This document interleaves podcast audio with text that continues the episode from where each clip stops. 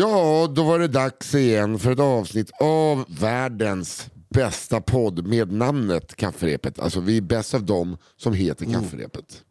Ödmjuk, men också precis i sina spaningar heter jag Nissa Hallberg och jag sitter i vardagsrummet eh, som är inrett lite som en poddstudio dagen till ära med Albin Sårman Olsson och Johanna Hurtig Wagrell. Yes. I mitt vardagsrum sitter vi. Mm. Mycket mer. Får jag säga också, jag vet att jag gjorde det här själv, men kaffet, fan vad gott det var.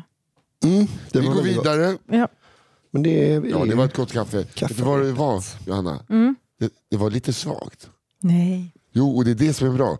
Det har jag lärt mig. Alla, mina såna vinkännarvänner, alla sommeliager, alla Mm. sommelier, de, de brygger så svagt kaffe. Så man ska känna smaken av bönorna. Och det har jag sagt nej, nej, nej till.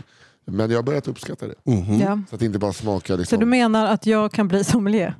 Absolut inte. Men eh, vilket kaffe? Kan det vara de nya Ittala-kopparna? Mm. Kan man. Det är någon som har gett blod.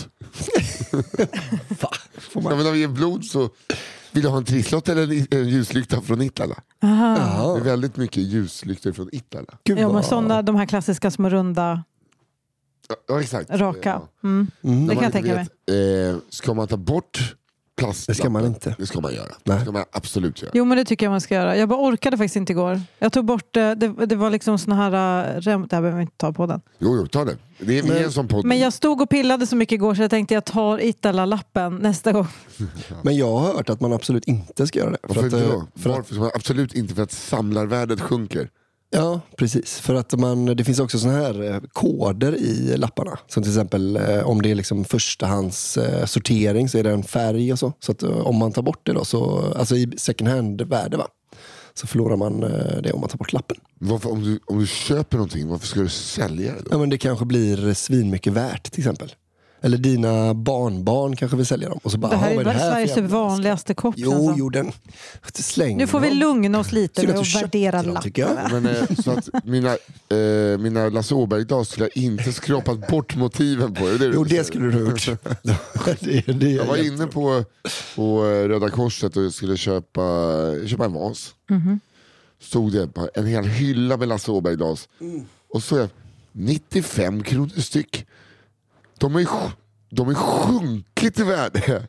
Ja. Men samlarvärdet som alla eh, föräldrar pratade om när man tog studenten och man fick ett, med ett whiskyglas med en knasig mussebit på. Det skulle, bara skjuta i, i höjden mer än bitcoins. Problemet var att alla köpte dem. Ja, jag vet. Eh, Och att de inte var så snygga. Henrik Blomqvist, en gammal komiker som nu bor i London, han fick det varje år av sin mormor och morfar. Varje år. Så när han var 30 så önskade han sig ett vitrinskåp. så att han hade någonstans att ställa skiten!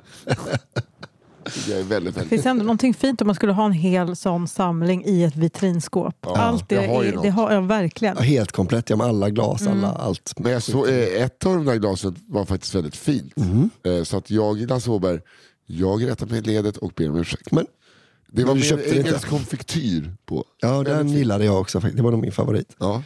Varför köpte du inte det? Och det var så För jävla att jag kan inte gå in på Röda Korset som dude bro och bara tja, schyssta vinglas. Jag klarade inte av det. Problemet är väl inte vinglas utan din, din fäbless för att vara en dude bro.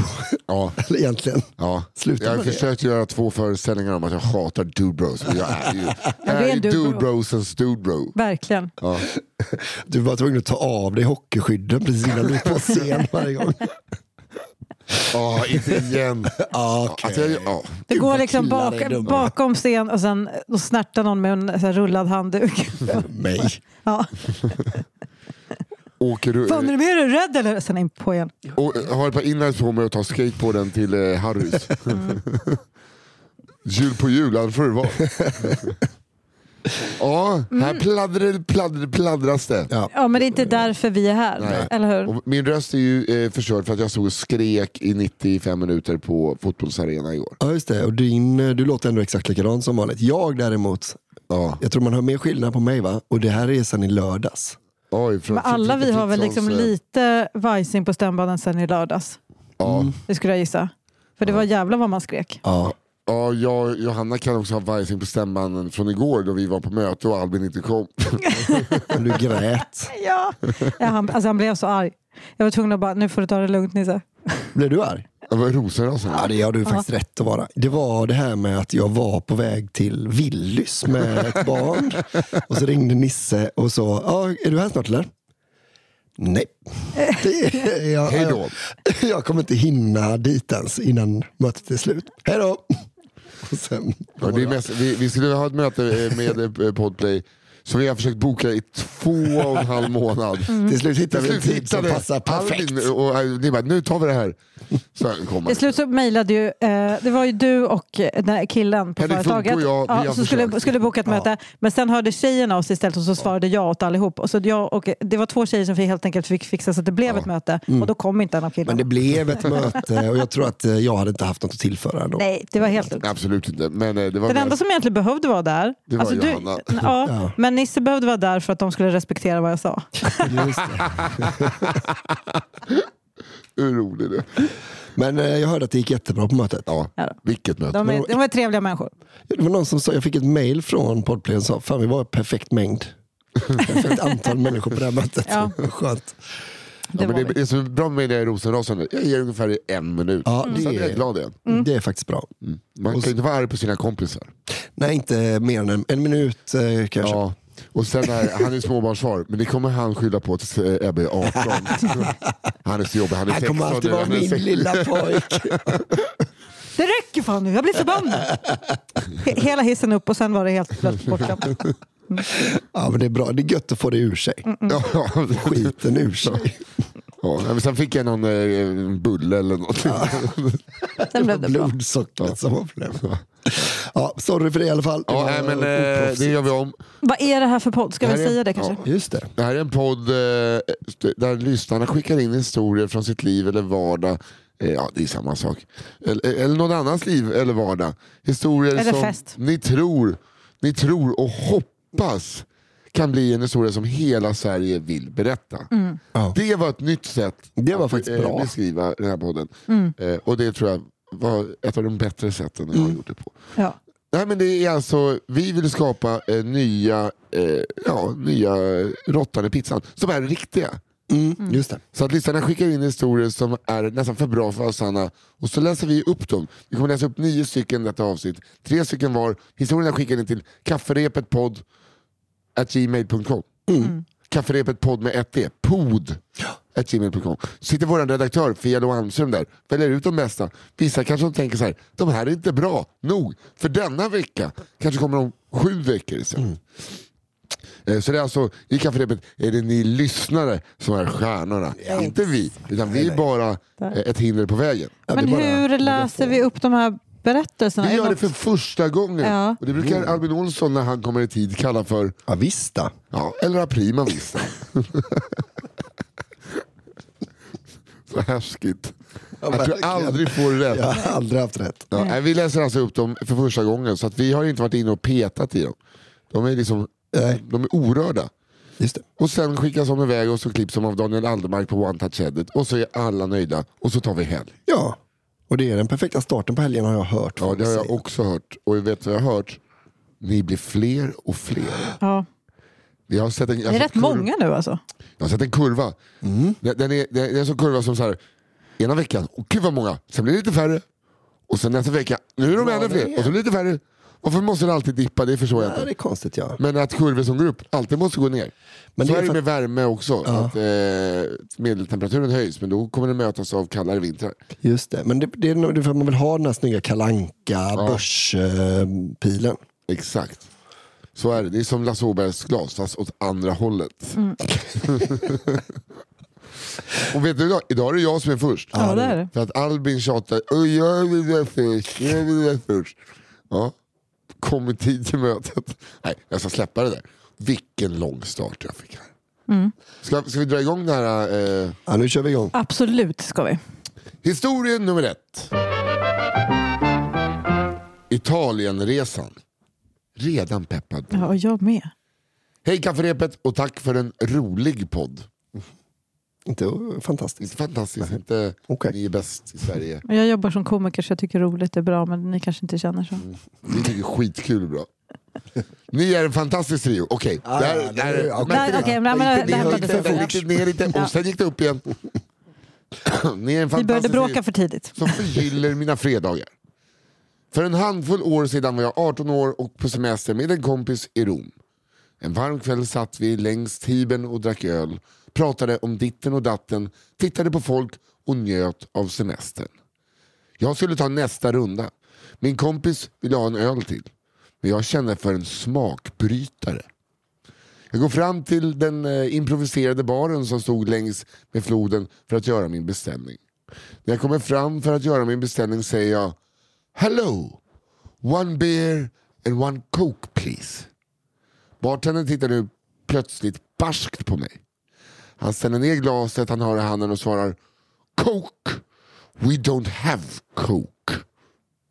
Den nervösa killen som jag var tyckte att det var lite märkligt. Jag hade sett andra människor dricka cola och baren har ju en klassisk Coca-Cola-skylt på taket. Jag stammar fram eh, Yes, I think you do. Bartendern stirrar mig nu i ögonen argsint. Jag blir ännu mer nervös. Mina handflator har aldrig varit så svettiga. Bartendern tittar mig över axeln och ropar till någon. När jag vänder mig om står två uniformerade 1,96 långa italienska poliser. 1,96, det har aldrig funnits så långa italienare. Nej, men de kan Ja, det är de två. Ja, verkligen. Det är deras kling och klang. Kling och kling. Kling och kling, ja verkligen kling och kling. De två poliserna har nu ställt sig 10 centimeter framför mig och lutar sig lätt över mig. Han har otroligt bra koll på centimeter den där författaren. Ögonmåttet. Ja, Det är perfekt. 1,96. Precis, båda två. Sånt kan jag säga. I strumpläst. Jag grips av panik. Vad är det som händer nu? Det måste ha blivit något missförstånd. Bartendern säger något på italienska till poliserna medan de båda stirrar på mig i ögonen och ser måttligt road ut. Stammande får jag fram ett Hello and good evening. Poliserna svarar bartendern lite snabbt och i samma rörelse tar de tag i mig. Ni vet ett sånt klassiskt polisgrepp när eh, de håller en hand om min handled och den andra om armhålan. Jaha, eh, det är ett riktigt sånt. Du ska, du, du ska lämna den här dansbanan nu grabben. Yes. Gud, nu har jag full-blown panik. Vad är det som händer? Jag känner hur gråten gör sig påmind. Din gubbe. Poliserna led mig bort från floden och runt ett hörn. En miljon tankar rusar nu genom mitt huvud. Ska jag dö nu? Ska de kasta mig i fängelse? Det är ju fan mer neurotiska än min morsa. Eh, Men Jag hade också haft mina minnen, jag, när jag åkte fast för olagligheter så bara bröt mamma ihop i gråt. Efter ett år hon, efter hon fick reda på det. För hon sa, jag har tänkt på det här i ett år. men- Du kommer åka i fängelse. De kommer knulla dig i röven. Nej, Jo, det, det, det är så Åh, hon jävla hade gulligt. panik för din Men att, hon har, skull. men att hon har tänkt på att jag blir knullad i röven i ett år. Det tycker jag är väldigt roligt. Nästan så har det blivit lite av en kink. och gått igenom så många stadier. Rädslan. Stammandes på min brutna engelska för jag fram att det måste blivit ett misstag.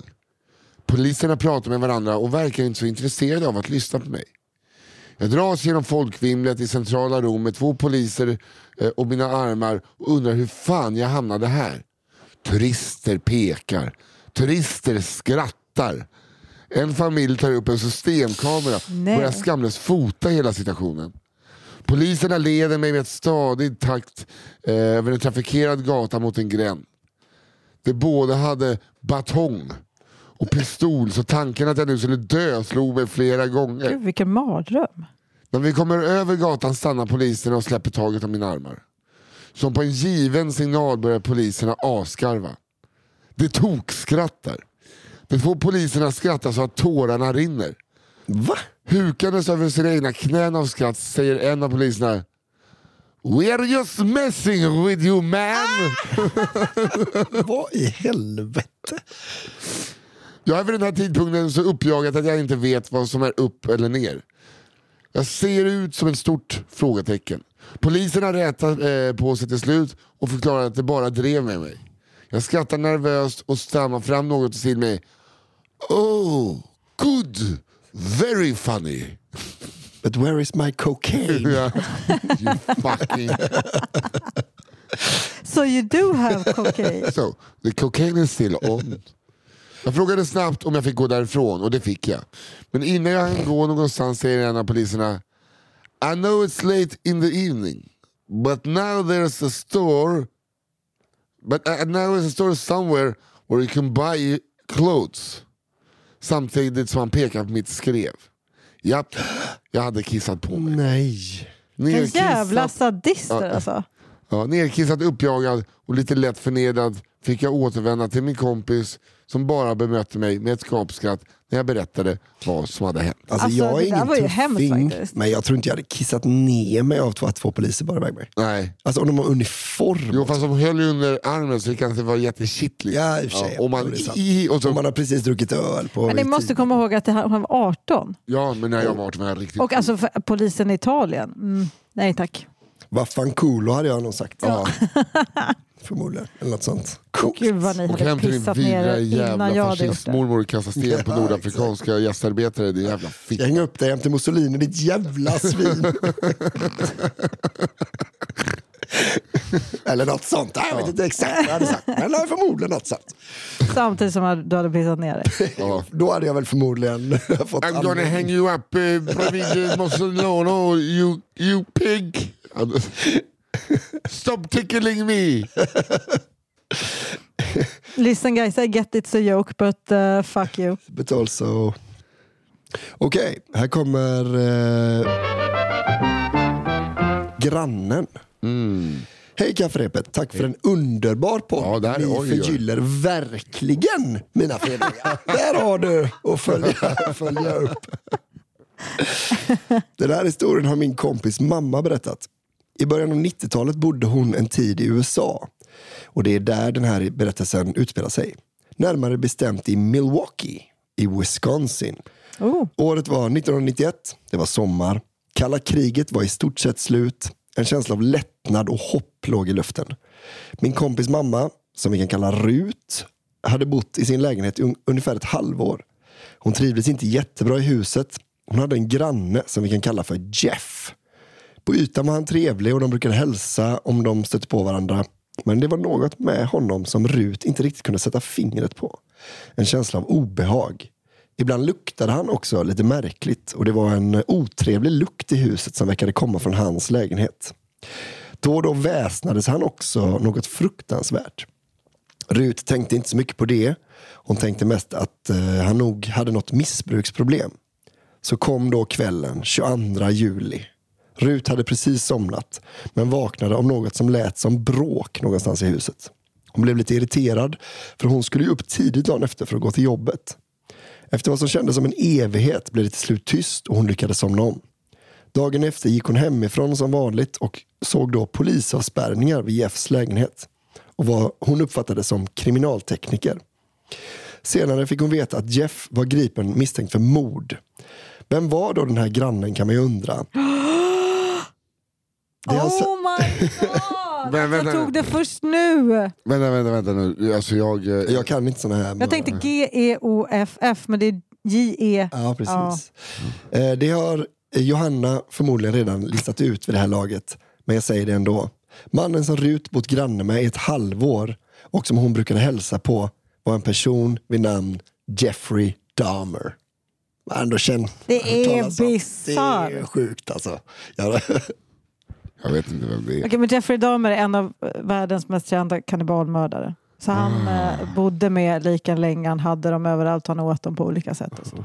man vet ju vad det som luktar. Han är liksom, det är Ted Bundy och Jeffrey Dahmer som är Okej, okej, okej. okej. the big five, som vi brukar säga. Men jag tror alla som har liksom bara, nu har nu bott jämte honom ett halvår. Men det måste ju verkligen vara en sån, där duckar jag fan en kula alltså. Ass, no, fast han, han gick ju på män.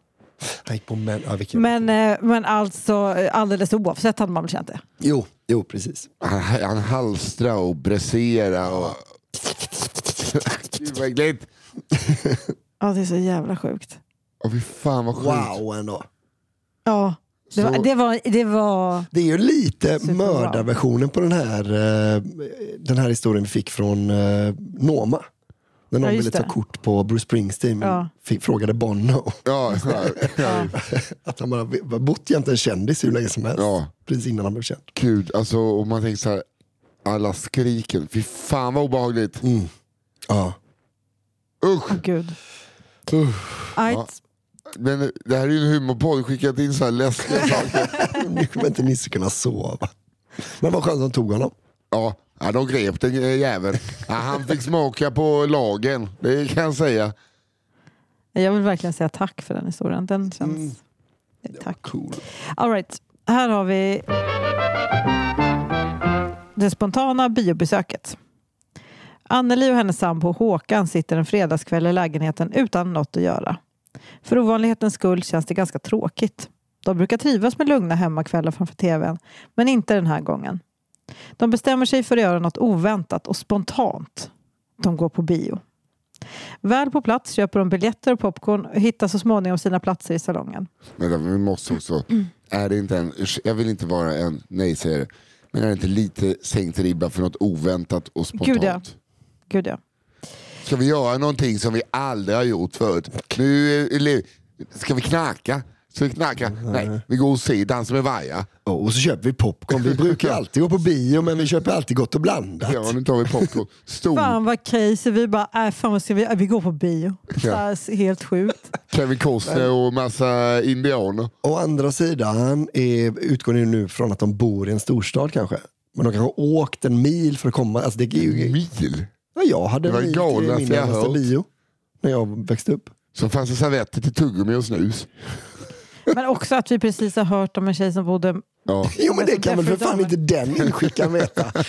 att det ska komma en Jeffrey Dahmer Nej exakt, och det är det jag menar. Då kanske, egentligen är kanske det crazy. Vi har bara bytt helt Ja, perspektiv. exakt. Det här kanske är super crazy. Folk måste äta upp andra människor för att vi ska bli, Ja visst. att det är lite crazy nu. Vi är så... um, Höjd ribba för crazy. För fan, förlåt. Fan vilken vilket par som bara... u- Vet du, Men det kanske kommer hända något mer i historien. Ja, vi hoppas. Det en chans. ja, nej, jag, jag var nej, säger det där. Undrar vilken film det var. Kör! Filmen börjar och den magiska biokänslan sprider sig bland publiken. Ett tag in i filmen känner Anneli hur Håkan oväntat gosar ner sitt huvud mot hennes axel. Det var länge sedan de gått på en romantisk dejt tillsammans och än mer sällan brukade de visa ömhet offentligt. Någon kunde ju se. Att få ögonen på sig bland folk var bland det jobbigaste de båda visste. Förvånad och glad över den oväntade kärleksförklaringen slappnar Anneli av. Det var trots allt inte så farligt att göra något spontant ändå. Det var nästan lite mysigt. Vilken tur att de gick på bio. Och gud vad fint det här var. Jag, jag ångrar mig att jag var så Ja, dum. Det här är jättegulligt. Anneli stryker Håkan över håret och ler mot honom i mörkret. Han ler inte tillbaka. Han rör sig inte. Hon känner hur tyngden... Oh, herregud, är vi på väg? Nej. Okej. Hon känner hur tyngden av hans huvud istället känns jobbig mot axeln. Anneli rätar på sig i stolen och känner hur Håkans huvud börjar glida av hennes axel. Hon rycker till och han fortsätter glida ner från stolen. Håkan halvligger nu med båda benen böjda mot golvet i en konstig vinkel. Ögonen är slutna. Sover han? Anneli har svårt att se i mörkret och hon ruskar försiktigt i honom och väser. Hallå, Håkan? Psst, sover du? Ingen respons. Han har svimmat. Den smått nervösa Anneli som genast känner att det varit mycket bättre om de bara hade stannat hemma inser att hon inte kan sitta kvar bredvid sin avsvimmade sambo. Hon krånglar sig så tyst hon kan ut från salongen för att hämta hjälp utan att störa de andra i publiken. I foajén får hon både tag på personal och en man som arbetar som brandman. De följer henne in i salongen för att se hur Håkan mår. Anneli som är i chocktillstånd känner en oerhörd stress. Hur var det egentligen fatt med Håkan? Och vad är han förresten? Anneli kisar med ögonen för att försöka hitta honom bland stolsraderna i biomörkret. Men vad märkligt, han är inte där. Hon sveper med blicken över de tomma stolarna utan resultat. Han är borta, utbrister hon förskräckt till brandmannen. Tusen oroliga tankar går genom huvudet på Anneli. Pulsen är skyhög och hjärtat rusar. Anneli börjar leta med blicken igen och anstränger sin halvdåliga syn nu på raden ovanför. Där är han, väser hon och pekar på Håkan som fortfarande ligger avsvimmad i stolen. Filmen avbryts och salongens taklampor tänds. Ambulanspersonal tillkallas och Håkan bärs ut från bion. Den skärrade Anneli får ett glas vatten. Hon skakar, lika delar av oro för Håkan och av skammen för att ha avbrutit hela biopublikens filmkväll. Håkan ligger nu på en bår invirad i en orange filt. Han är fortfarande okontaktbar. Anneli sitter bredvid honom. Är det här din man? frågar ambulanspersonalen och pekar på Håkan. Anneli nickar. Ja, det är min man, svarar hon. Hon är vit i ansiktet. Plötsligt ser både hon och ambulanspersonalen hur den avsvimmade Håkan långsamt börjar öppna sina ögon. Han gör en ansats till att sätta sig upp. Det går inget bra. Han nöjer sig med att stötta upp överkroppen med armbågen mot båren och tittar allvarligt på ambulanspersonalen. Han utbrister med sluddrande röst. Nej, hon är min sambo. Rätt ska vara rätt. Så, så gick det till när Anneli och Håkan skulle vara spontana och gå på bio. Inte tänkte väl Håkan att han skulle svimma när han såg att någon på bioduken åkte in på sjukhus och fått en venkateter insatt på handryggen. Mhm, han var blodfobiker. Aha, det var det. Och inte tänkte väl Anneli att hon och Håkan inte var gifta när det var så mycket annat som hände. Okej. Så, Ja, det han var- svimmar alltså, i det- biostolen eh, och hon håller på att dö eh, av panik. Bara, är det här din man? Ja. Nej. Sambo. Då vaknade han till. Ja, Stopp, stopp. Någonting, något skit håller på att hända här nu. vi har alltså skrivit äktenskapsförord. Det ska ha klart för. Eh, jag vill ha tillbaka pengarna för biljetten. Eh, men alltså, då var det lite för crazy för dem att gå på bio. Ja, det var det. Det var det absolut. Jag tror att då, om man har sån blodfobi, då, ska man, då är ju allt Ja. som är liksom utanför ramarna för spontant. Ja, ja visst. Eh, gud vad jag trodde att han skulle vara död. Ja, jag och jag pall, alltså vet, jag... Ja, men verkligen. Jag kände att han glider ner. Man bara, nej, nej, nej, nej, nej, nej. men, eh, det hade varit liksom... Jag hade, så jag liksom zonade ut lite. Äh, För jag klarade inte av att kanske skratta åt någon som eh, dog. nej. Nu hoppas jag att någon inte dog, för här kommer Pelle med plogen. Ja. Klassisk historia. Ja, ja. Hej på er! Hallå, hallå. Här kommer en berättelse som jag nyligen fick höra av en pensionerad tjänsteman från Vägverket. De älskar man. Detta begav sig på den tiden då Sverige var något mindre privatiserat. Då det statliga Vägverket hade egna anställda som tog hand om vägnätet på olika sätt. En av dessa anställda var en lastbilschaufför som jag inte minns namnet på. Okej. Så vi kan kalla honom för Pelle. Pelle hade ett välförtjänt rykte om sig att vara ganska tankspridd. Ett exempel var när han körde in i den alldeles nyinvigda lastbilsgaraget med flaket på lastbilen uppfällt och därav rev ner både porten och innertaket. Jag älskar sådana människor. Det var som busschauffören som körde in i tunneln med gaspuss så att hela bussen exploderade. Har ni hört den här historien om en, en gubbe som körde in i Tingstadstunneln med en traktor på släpet? Och, sen, och så fast, kilade han fast sig i Tingstadtunneln va? och så, så ringde han och bara, vad fan gör jag nu? Sitter ju fast och klämt fast lastbilsjäveln i Tingstadtunneln. Ja, men du får släppa ut luften ur däcken naturligtvis. Och så gick han ur det. Ja, nu då? Nu kan jag inte köra. Så bara på traktorn naturligtvis. Står han där med punktering på 12 däck. Det tar så lång tid. Och... Denna berättelse utspelar sig dock något senare. En mörk vinterkväll med ymnigt snöfall och blåst. Pelles uppgift var då att köra plogbil och röja snön längs vägarna på landsbygden. Några timmar in i arbetspasset kom ett samtal till Vägverket om att en bil körde av vägen längs Pelles rutt. Pelle anropas via radio och beordras köra till platsen för att bistå bärgningen. Han får klara direktiv om att det inte är hans uppgift att bärga någon bil. Han ska endast hjälpa till med snöröjning på platsen för att underlätta för bärgningsbilen. När Pelle kommer fram finns det dock ingen bärgningsbil att finna. Men på ena sidan av vägen står en bil som kommit lite för nära snövallen och fastnat och i bilen sitter en liten liten frusen farbror och väntar på hjälp. Bilen står alltså knappt i diket och Pelle tänker att det här är väl inget, inget att krångla om. Han plockar helt enkelt fram sin boxeringsvajer, kopplar den till farbrorns bil och drar loss den ur snön. Nöjd med sin insats sätter eh, Pelle sen fart de eh, dryga två milen han har kvar på sin runda och plogar snön längs vägen. Väl tillbaka i depån går han sen en sedvanlig runda runt bilen för att kolla så att allt står rätt till. När han kommer till bakänden på bilen stannar han förvånat upp. Från dragkroken hänger nämligen en brusten boxeringsvajer. Nej. Nej. Nej. Nej. Pelle står länge med halvöppen mun och tittar innan det går upp för honom. Helvete! Jag glömde gubben! ropar han och springer in på kontoret. Du, du fattar, jag fattar inte än. Jag, jag, är så, inte? jag är så spänd på slutet. En liten räddningsstyrka mobiliserades snabbt och ett antal vägverkare, bland annat den man som berättade historien för mig, ger sig ut i Pelles hjulspår för att hitta bilen som han alltså omedvetet boxerat i full fart genom snön. Ungefär halvvägs mellan depån och platsen för bärgning får man till slut se en bil som står cirka 50 meter ut på en åker. Åh gud, han har verkligen bara Det är som att han har åkt glidit som iväg. kudde efter en båt. Åh, Ja. Gud. Eh, Tänk vad han har varit rädd gubben. Ja, gud vad rädd han har varit. Åh, du far jag. Kvar i bilen sitter den lilla farbrorn, helt vit i ansiktet.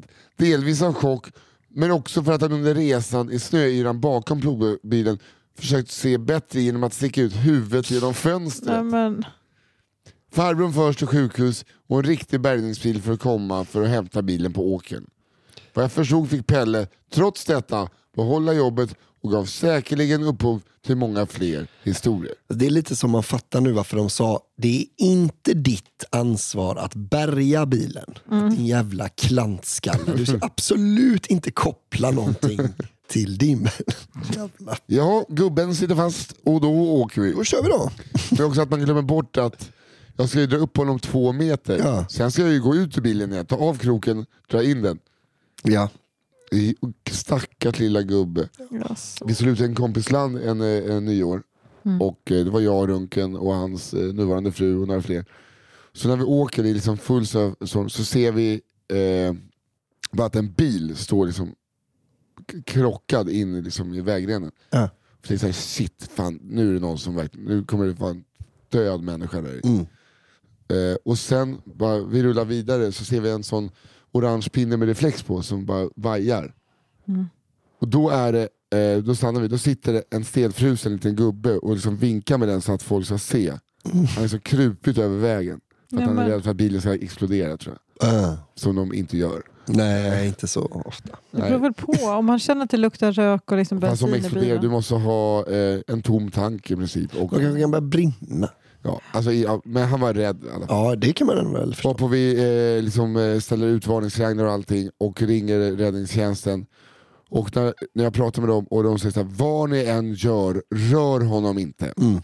Ser jag i min ögonvrå hur runken bara släpar honom. För att han kan ju liksom ha brutit nacken. Ja. Släpar honom över vägen och bara, "Vad ska jag inte röra honom? så sätter honom ner, frågar, vill du ha en öl? Eh, var på att gubben liksom, han är på väg att få en öl. Men hade det varit så, då hade han ju åkt för rattfylla. Just det. Så vi gjorde liksom alla, alla, alla fel med lilla farbror. Jag hörde att det fanns en sån eh, lucka i lagen att, att man, man kan påstå att man, var så, man blev så chockad att man gick hem och svepte en halv 75 Så när polisen kom sen och man var pissfull så jag var så rädd. Var tvungen hälla i mig sprit. Men alltså, du åkte alltså hem och sen tillbaks i Jag bilen. gick, gick hem vet du. Det är väl, minst är väldigt suddigt.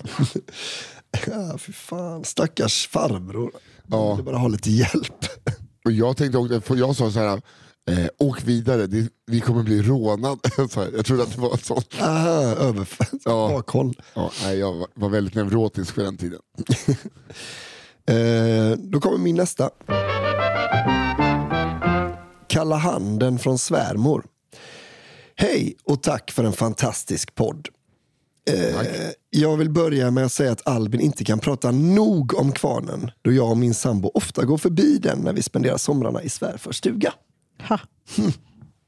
En historia jag hörde. Obehagligt ändå att de ofta går förbi ditt hem. är det inte det? Där inne, där inne bor han. Olsson. Ja, man måste verkligen ut på. Radiokändisen. Både podcast och P3 och nog något SVT-program han har varit med i. Ja, Kändaste Lycke. Ja, kvarnen. Det vore trevligt om man pratade om den mer. Går förbi den så ofta. Mer. Vi ser den ju oftare än han pratar om den nästan. En historia jag hörde tidigare i våras fick mig genast tänka på en inte helt olik händelse i mina tonår. Jag är 16 år gammal, har varit tillsammans med min första riktiga flickvän i några månader. Och vi gör det många andra jämnåriga par gör i den åldern. Knullar vid varje tillfälle som ges. Ja, skryt, skryt, skryt. De var Eh, 16. Ja, 16. Jag knullade fan inte eh, en enda gång på den tiden kan jag säga. Nej. Det är Inte jag heller. Nej, du är ordentlig Johanna. Ja. Du, jag har bara 16-åriga barn. Som min mamma.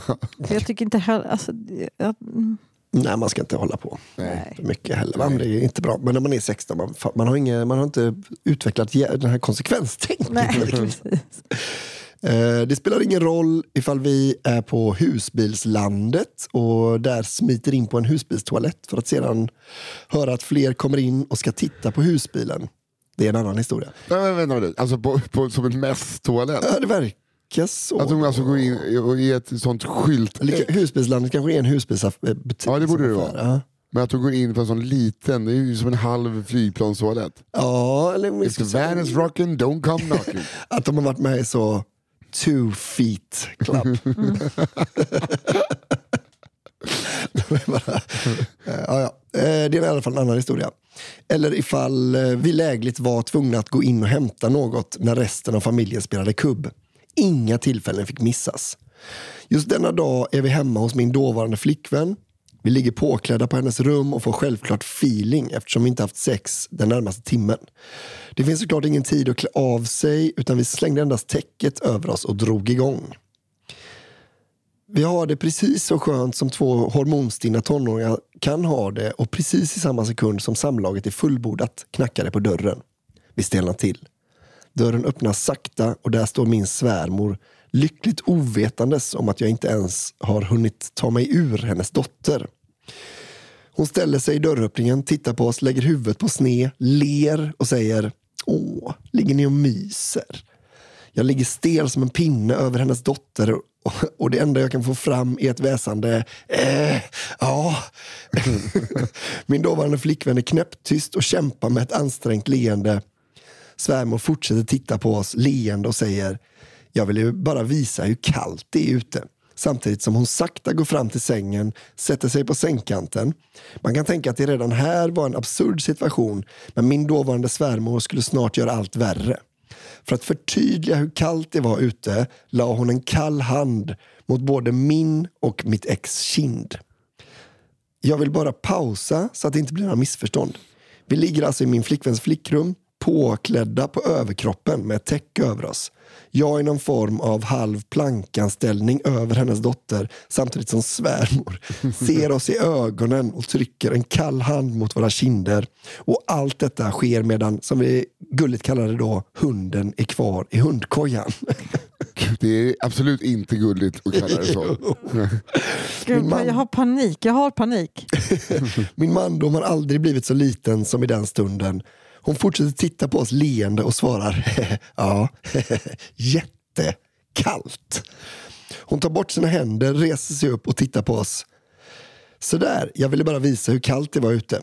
För att sedan gå bort mot dörren, vända sig om en sista gång och önska oss ett ha det så mysigt innan hon går ur rummet och stänger igen dörren efter sig. Tack för mig. De kom undan med den då. Åh, jag är lättad. Alltså, de kom undan med det på så vis att de inte blev påkomna.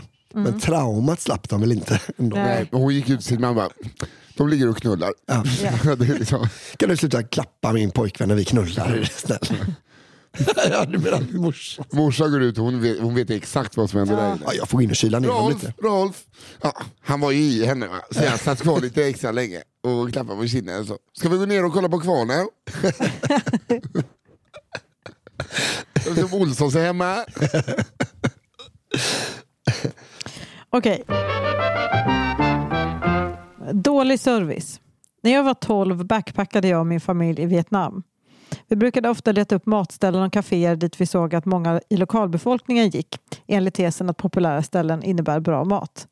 Klassisk föräldragrej. Mm, och stämmer väl ganska bra. Absolut, det är bara, det är bara att det är, att det är en så smart uträknad grej va, Ja. som de har kommit på.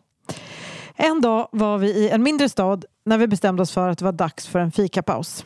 Vi letade efter ställen med mycket folk och hittade snart en sorts större paviljong i trä med öppna väggar med bord och stolar under där det verkade vara mycket människor. Vi satte oss ner vid ett bord och inom kort dök det upp två personer klädda i vitt och serverade oss lite te i metallkoppar innan de försvann iväg igen. Dock hände det inget mer.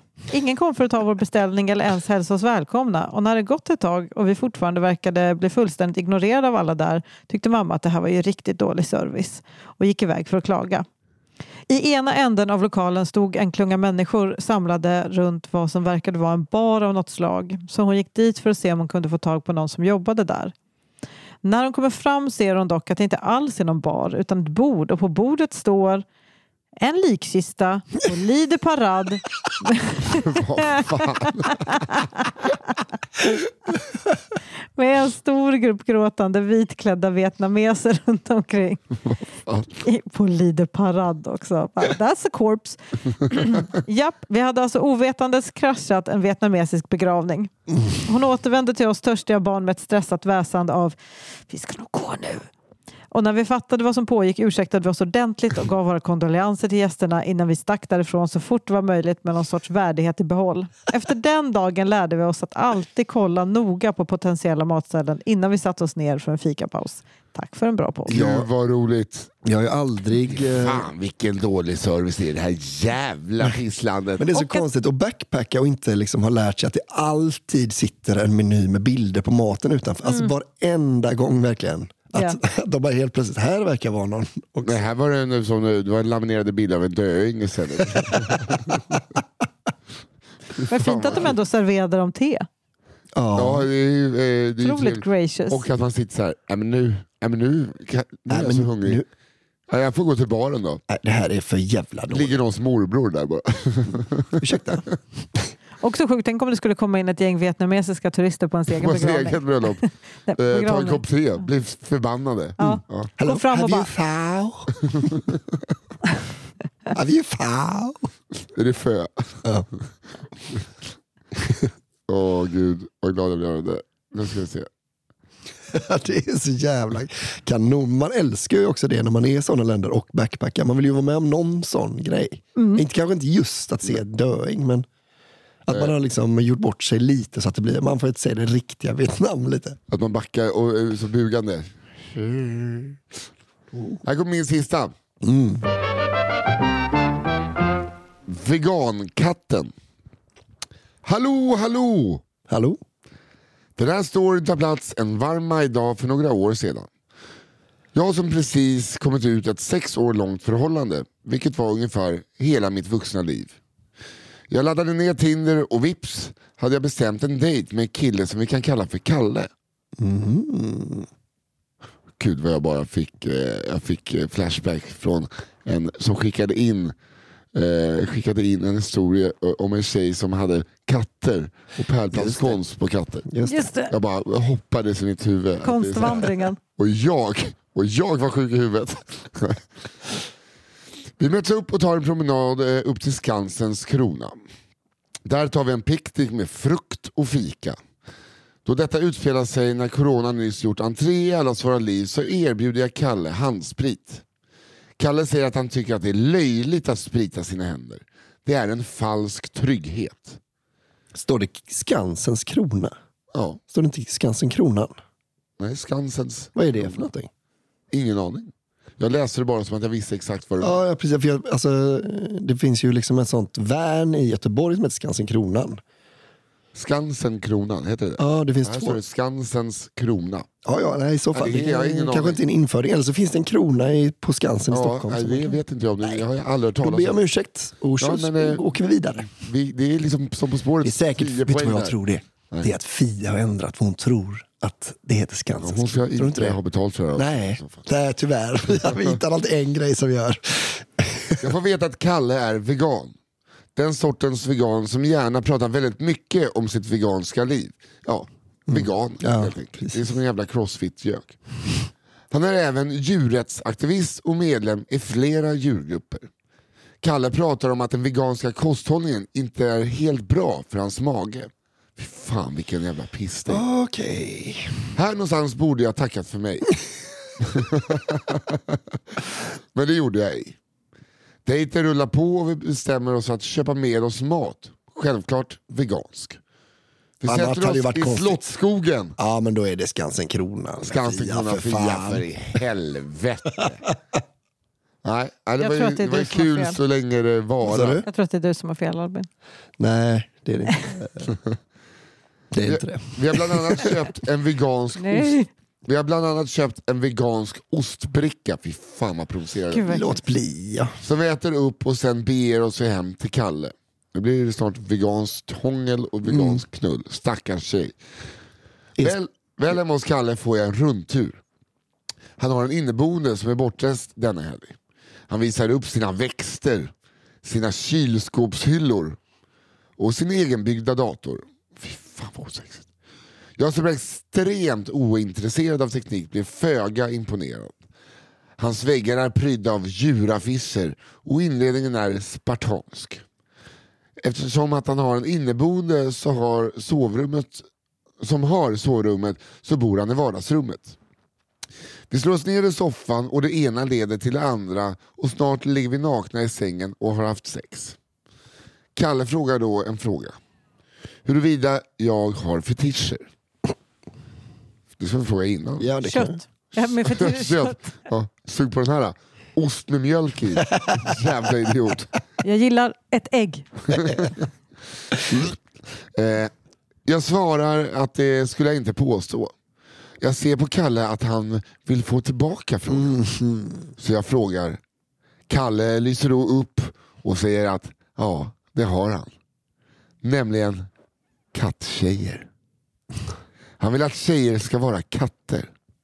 Han skyndar sig upp och hämtar en papplåda. I denna visar han upp en väldigt massa olika svansar. Han visar hur han vill att tjejen ska föra sig. Han slickar på sin hand. Förlåt. Tass. Han mjauar. Nej, nej. Det här känns som att det är det värsta Johanna vet. Nej, men alltså jag får panik. Han frågar sedan vilken typ av katt jag tror att jag är utifrån vilka svansar som finns. Jag svarar något i stil med att, eh, att det har jag inte funderat på så mycket. Varför skulle hon ha fun- funderat på det? Nej, jag vet inte varför hon skulle ha gjort det. Kul. Han undrar om jag kan vara en katt nu. Jag säger nej, en annan gång kanske. Ja, jag tänkte också det. Här vill jag gärna åka hem. Men då det är mitt i natten så går inga tåg hem till min lägenhet. Så jag gör det alla vettiga personer skulle göra. Jag låtsas somna. Ja, Jag hör hur killen ligger och mjauar för sig själv och klappar på sina svansar. Nej, men, Fan vad obehagligt. men det är inte sådana här buttplug-svansar då i alla fall? Jo, alltså, det kanske det är. Ja, det skulle det kunna vara. Det, är- det hoppas jag nästan. Nej, Alltså, men det, för då är det i alla nej, fall jag en visste inte att det sexleksak. Nej, Det visste inte jag heller. Inte jag heller. Jag vill inte vara med. Ett par timmar senare är det tidig morgon och jag bestämmer mig för, för att smyga ut.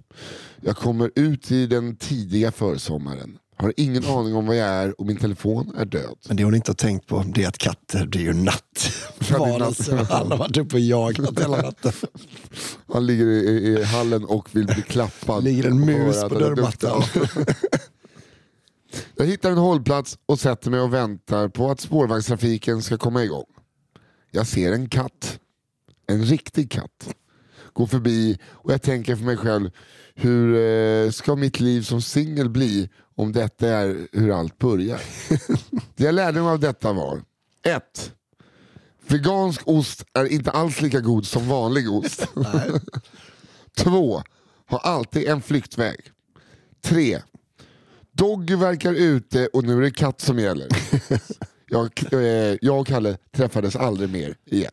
Fan, man är sugen på att veta om den där katten hon såg hade sin svans kvar. Tänk om det hade varit så Ja, att han var svanslös. Att han går runt och klipper svansarna. Och vi, nej men alltså, folk som bara, har du, har du en fetisch? Nej, jag tror Man inte vet det. att nu kommer någon skit. Du då? jag gillar katter. Springer till en eh, hylla, har liksom 14 avklippta... Kan du inte fråga? Det är verkligen som David i Sara Bäst i test. Vad kul att du tar upp. ja. Vad heter det? Eh, men jag tänkte också på att det är en sån himla konstig grej att, eh, jag menar, absolut, broach the subject, men lägg ner det direkt. Alltså förstår du vad jag menar? Kolla intresse och sen släpp det. Ja. Men att Eller? han ligger, Alltså, hon ligger och låtsas läge- att han ligger och klappar. Ja. "Au!" Varför, varför spinner han inte? Det är väl mycket mysigare när man ligger och myser. Det där får ni ta i era egna forum, Albin. Det är väl mycket Ja, men det, är väl, det är väl trevligare än att ha en jävla marskatt. Jag kan inte uttala mig. Maskat. Som när de löper och är kåta som... Det var inte smart gjort. Gud vad sjukt. Nu börjar min lilla marskatt. Yes. Nu ska ni få höra min sista för dagen. Då. Liemannen från Lesjöfors. Liemannen från Lesjöfors. Ja. Fan. Nu ska ni få höra en helt sann historia som berättats i åratal i min familj. I huvudrollerna finner vi mamma, pappa och min stora syster och storebror. Då 11 respektive 9 år gamla. Det var en sommarkväll i Värmland under 1900-talets allra sista år och vi var på semester i farfars sommarstuga.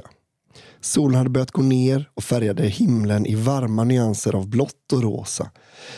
Det enda bekymmersmolnet var att under hela veckan i stugan hade det varit tjafs mellan mina syskon. Just den här kvällen munhöggs de över vem som skulle våga gå längst längs med grusvägen in i den mörka skogen. Syskongräl blir fort tröttsamt. Och strax innan mörkrets inbrott bar mamma och pappa på en gemensam vilja att sälja sina äldsta barn till högstbjudande för att få lite lugn och ro på semestern. Relate. Så formades en plan. Det var dags att få slut på käbblet en gång för alla. Sagt och gjort. Pappa gick raka vägen till förrådet. Här behövdes det material. Ett par enorma gummistövlar, en sydväst och ett stycke presenning. Det borde duga. Och så lien. Ett av alla redskap som omsorgsfullt tillverkats av farfar och som nu skulle missbrukas på ett sätt som han aldrig kunnat ana. Under tiden hade mina syskon på darriga ben tagit sig till vägen som ledde in i den allt mörkare och mer skrämmande skogen. Så plötsligt hördes, hörde de ett avgrundsdjupt vrål från sommarstugans håll. När de vände sig om för att se vad som stod på såg de en mörk figur med ett långt släp och ett spetsigt vapen stormandes mot dem i hög hastighet, mässandes. Liemannen från Lesjöfors är här för att ta er! med hög röst. Mina syskon kastade sig till skogs för att ta skydd. De sprang för allt de hade, barfota längs med vägen vid ängen där syrsorna sjöng sin kvällsvisa mot säkerheten bland grannarna, granarnas dunkel. Medan de båda grät och skrek efter hjälp. Här någonstans gick det upp för pappa att han kanske hade tagit det hela lite för långt. Men Jag tycker det är bra att hans, hans slogan är så lång också. Verkligen. Här kommer Liman och min för. Han fortsatte springa men avbröt sitt mässande och började istället vråla sina barns namn. Det hade tyvärr ingen lugnande effekt på mina syskon att liemannen visste vad de hette. På lätta barnsben fortsatte de springa för sina liv in i skogen. Nu hade även mamma sprungit ut ur huset och började vråla efter syskonen att allt var ett skämt. Det fanns två brister i våra föräldrars plan att skrämma ungarna till tystnad. Det ena var att gummistövlarna var gigantiska. Den andra bristen var att vägen in i skogen var gjord av grus. Det hade inte inneburit några särskilda svårigheter för mina syskon som med en fjäders lätthet kunde spurta längs med vägen. När pappa med ett antal kilos övervikt, groteskt stora gummistövlar och lite för långt presenningssläp försökte sig på samma typ av graciösa uppvisning så blev det inte lika bra. Mina syskon som nu kommit en bit in bland träden stannade upp och vände sig om för att se när gummistövlarna slungade pappa framåt i en nedförsbacke. Han föll handlöst och landade med en kraftig duns över gruset och fortsatte sedan att kana nerför vägen eh, medan gruskornen piskade honom i ansiktet. Både presenningen och sydvästen föll av i färden men lien höll han ett krampaktigt grepp om ända tills backen planade ut och hastigheten avtog. En kompakt tystnad bredde ut sig över skymningen innan liemannen från Lesjöfors reste sig igen med kraftigt skadad stolthet och rätt mycket grus i ansiktet. Mina syskon återhämtade sig snabbt efter händelsen. Det gjorde däremot inte min pappa, som klagade i veckor efteråt på att det kändes grusigt i ögonen. Dryga 20 år senare har mina syskon inte slutat munhuggas och pappa tycks inte ha lärt sig att använda skor i sin egen storlek eftersom han bara härom året bröt benet efter att ha haft alldeles för stora träskor i en isig backe. Några större lärdomar av händelsen blev det alltså inte, men det blev en bra historia. Liemannen Alltså, ska- från Lesjöfors. Skrämma barn är alltid så himla... Man fattar inte riktigt vart idén ens föds. Nej, Det är så jävla dålig investering för resten av den kvällen ofta. Men Väldigt kul utklädnad. Ja, verkligen. Ja, snygg ju bara. Otroligt obehaglig. Hade han på sig en pressändning undrar jag? Ja, men det är inte det- som kappan liksom, som Ja. liemannen har så här... eh, Ja, jag vet inte. Det är jag som är död. Det är jag som inte... Um, Okej, här kommer min sista. Gummikungen. Hej Johanna, hej Albin, hej Nisse. Hej. Tack för en alldeles utomordentligt fantastisk podd. Wow! Ja, Ja, där. där. Där, kronan på Skansen. Mhm. Ehm, efter att ha lyssnat på alla avsnitt sedan starten tänkte jag nu är det dags för ett bidrag. Jag tänkte bjuda på en historia från min tidiga ungdom som utspelade sig under den varma, eller inte, sommaren 2004. I början av juni hade jag börjat skriva med en tjej på Lunarstorm. Vi kan kalla henne Karin. Karin och jag klickade. Vi klickade väldigt bra. Problemet var bara att hon inte bodde där jag bodde. Men vad fan, med ett hyfsat nytt körkort och en av föräldrarnas bil så skulle det nog funka. Dagen kom då vi skulle ses för första gången. Hon kom till mig med tåg till den kungliga huvudstaden. Väl hemma i pojkrummet tog det inte många minuter innan kläderna åkte av. Men hade någon av oss skydd då? Näpp. Så det var till att hoppa in i bilen, köra ilfart till närmsta mack och sen, ja, i den åldern var det inte eh, att köpa kondomer det roligaste i världen. Tvärtom, det var hemskt. Så jag gjorde snabbt upp en plan i min icke alltför färdigutvecklade hjärna att helt enkelt rafsa ihop lite fler saker så det inte var så uppenbart att det var ligga som stod på den, den där grabbens agenda. Sagt och gjort. Ut från macken gick jag med en kolaflaska, två bananer, ett paket kondomer. Ja, inte så genomtänkt, men nu skulle det skinkas på. Men, alltså, Och det gjorde det. Mycket. Väldigt mycket. Mm. men grejen är med, alltså, här, okej nu köper jag fler saker så att det inte framstår som att jag ska knulla. Och blir så köper här, en banan. ja, det är ja, ett problem. Den här personen ska alltså äta två bananer, dricka läsk och sen knulla. Det är Ja. liksom det enda Eller träkondomer på bananer. Ja, dricka läsk och sätta sig Vilket på är värre. Mm. Ja. Och det var lite så sommaren med Karin kom att fortlöpa. Vi hade några veckor kvar med jobb innan vår sommarsemester skulle börja. Då Men köpte han bananer varje Han har ett helt rum fullt med gamla rötna bananer nästan. Ja. Han är från Norge. Ehm, vi hade några veckor kvar med jobb innan vår sommarsemester skulle börja men det stoppade oss ju inte från att ses. När helgerna kom gick bilen i ilfart ner till den mindre staden en och en halv timme från Stockholm och vi njöt verkligen av varandras sällskap. Semestern kom och det var dags för mig att semestra lite i den lilla staden. Jag packade en väska med kläder för en vecka och hoppade in i bilen och for iväg. Väl framme gjorde jag mig hemmastad i Karins hus. Karin hade precis som jag ett eget rum nere i källaren.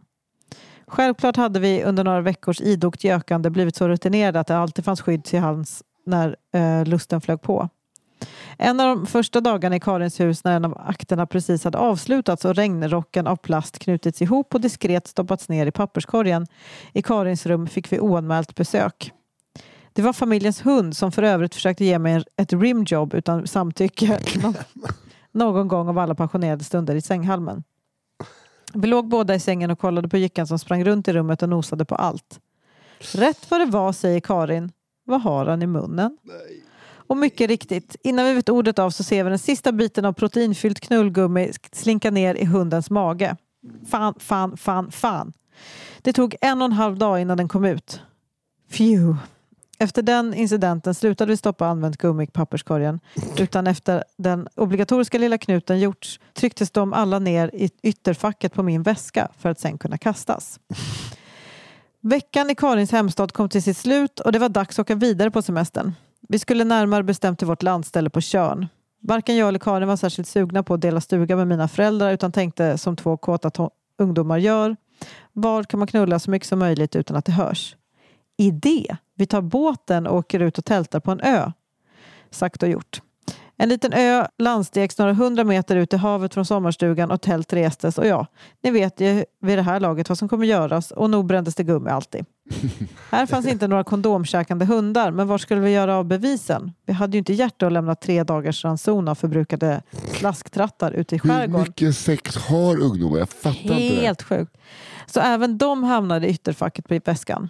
Semestern tog slut och det gjorde också förhållandet med Karin. Men efter några dagar hade livet återfått sin mening och det rullade på. Någon månad senare knackades det på min rumsdörr. Kom in. Det var min mamma som kom. Jag satt och spelade gitarr med ryggen vänd mot dörren så jag såg henne inte. Sen sa hon. Det är helt okej att du lånar min väska när du är ute och flyger. Mm. Och jag är tacksam att du skyddar dig.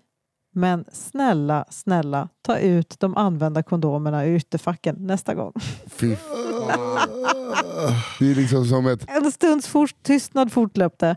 Okej, sa jag utan att vända mig om eh, för att möta min mors blick. Jag vände mig sakta om när jag hörde att dörren stängdes. På sängen låg en väska med ett berg av använda ihopknutna kondomer bredvid sig. Slut! Återigen, tusen tack för en fantastisk podd. Ni är bäst. Och Nisse, du be- behöver en ljudtekniker som inte missar att sätta på, på musiken två gånger på raken när du ska gå på scen. Kontakta inte mig. Tja hej! Va? Det är någon som har missat att sätta på musiken när du går ut på scen. Som. Ah. Ehm, men alltså...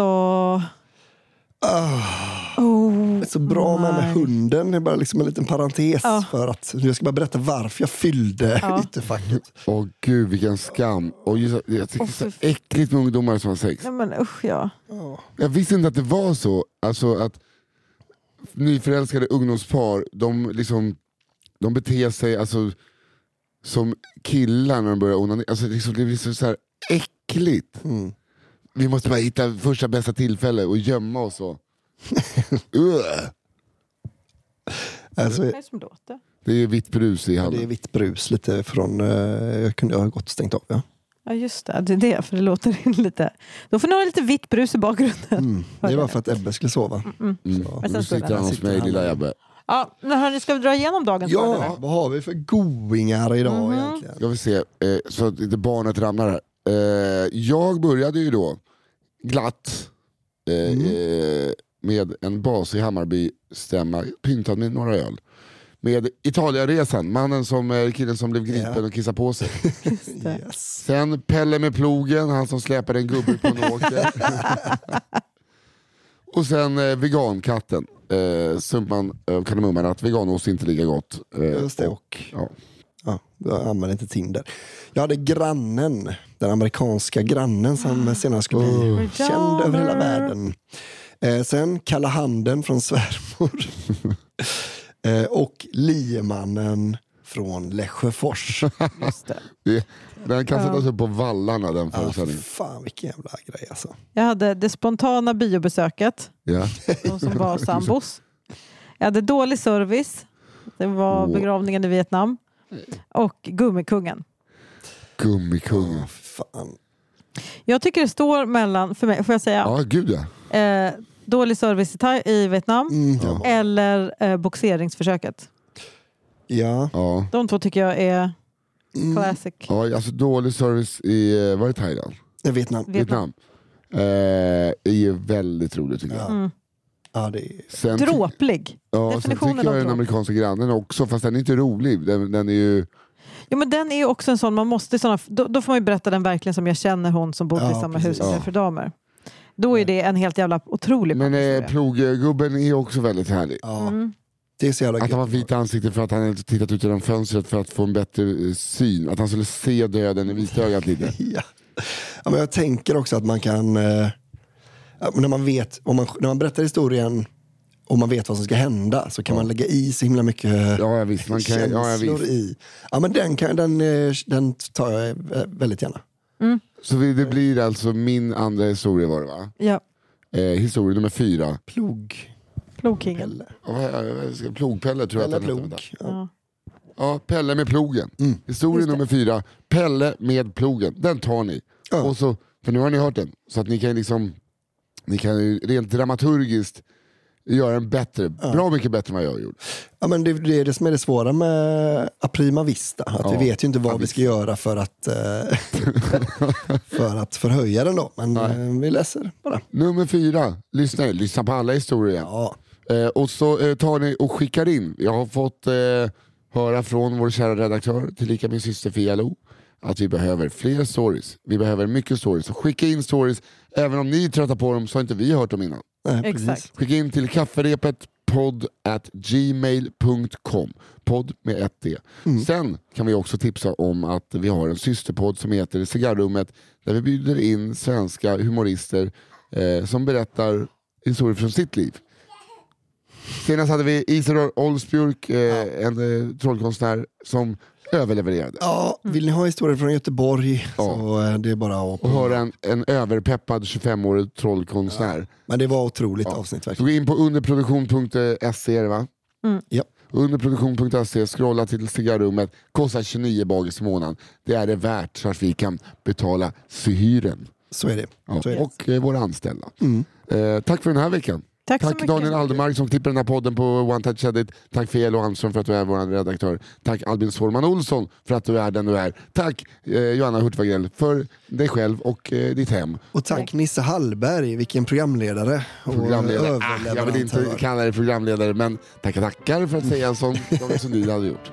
Och tack så mycket alla som har skickat in. eh, Ja. Exakt, tack det. alla ni, för att det är Ni. som är stjärnorna.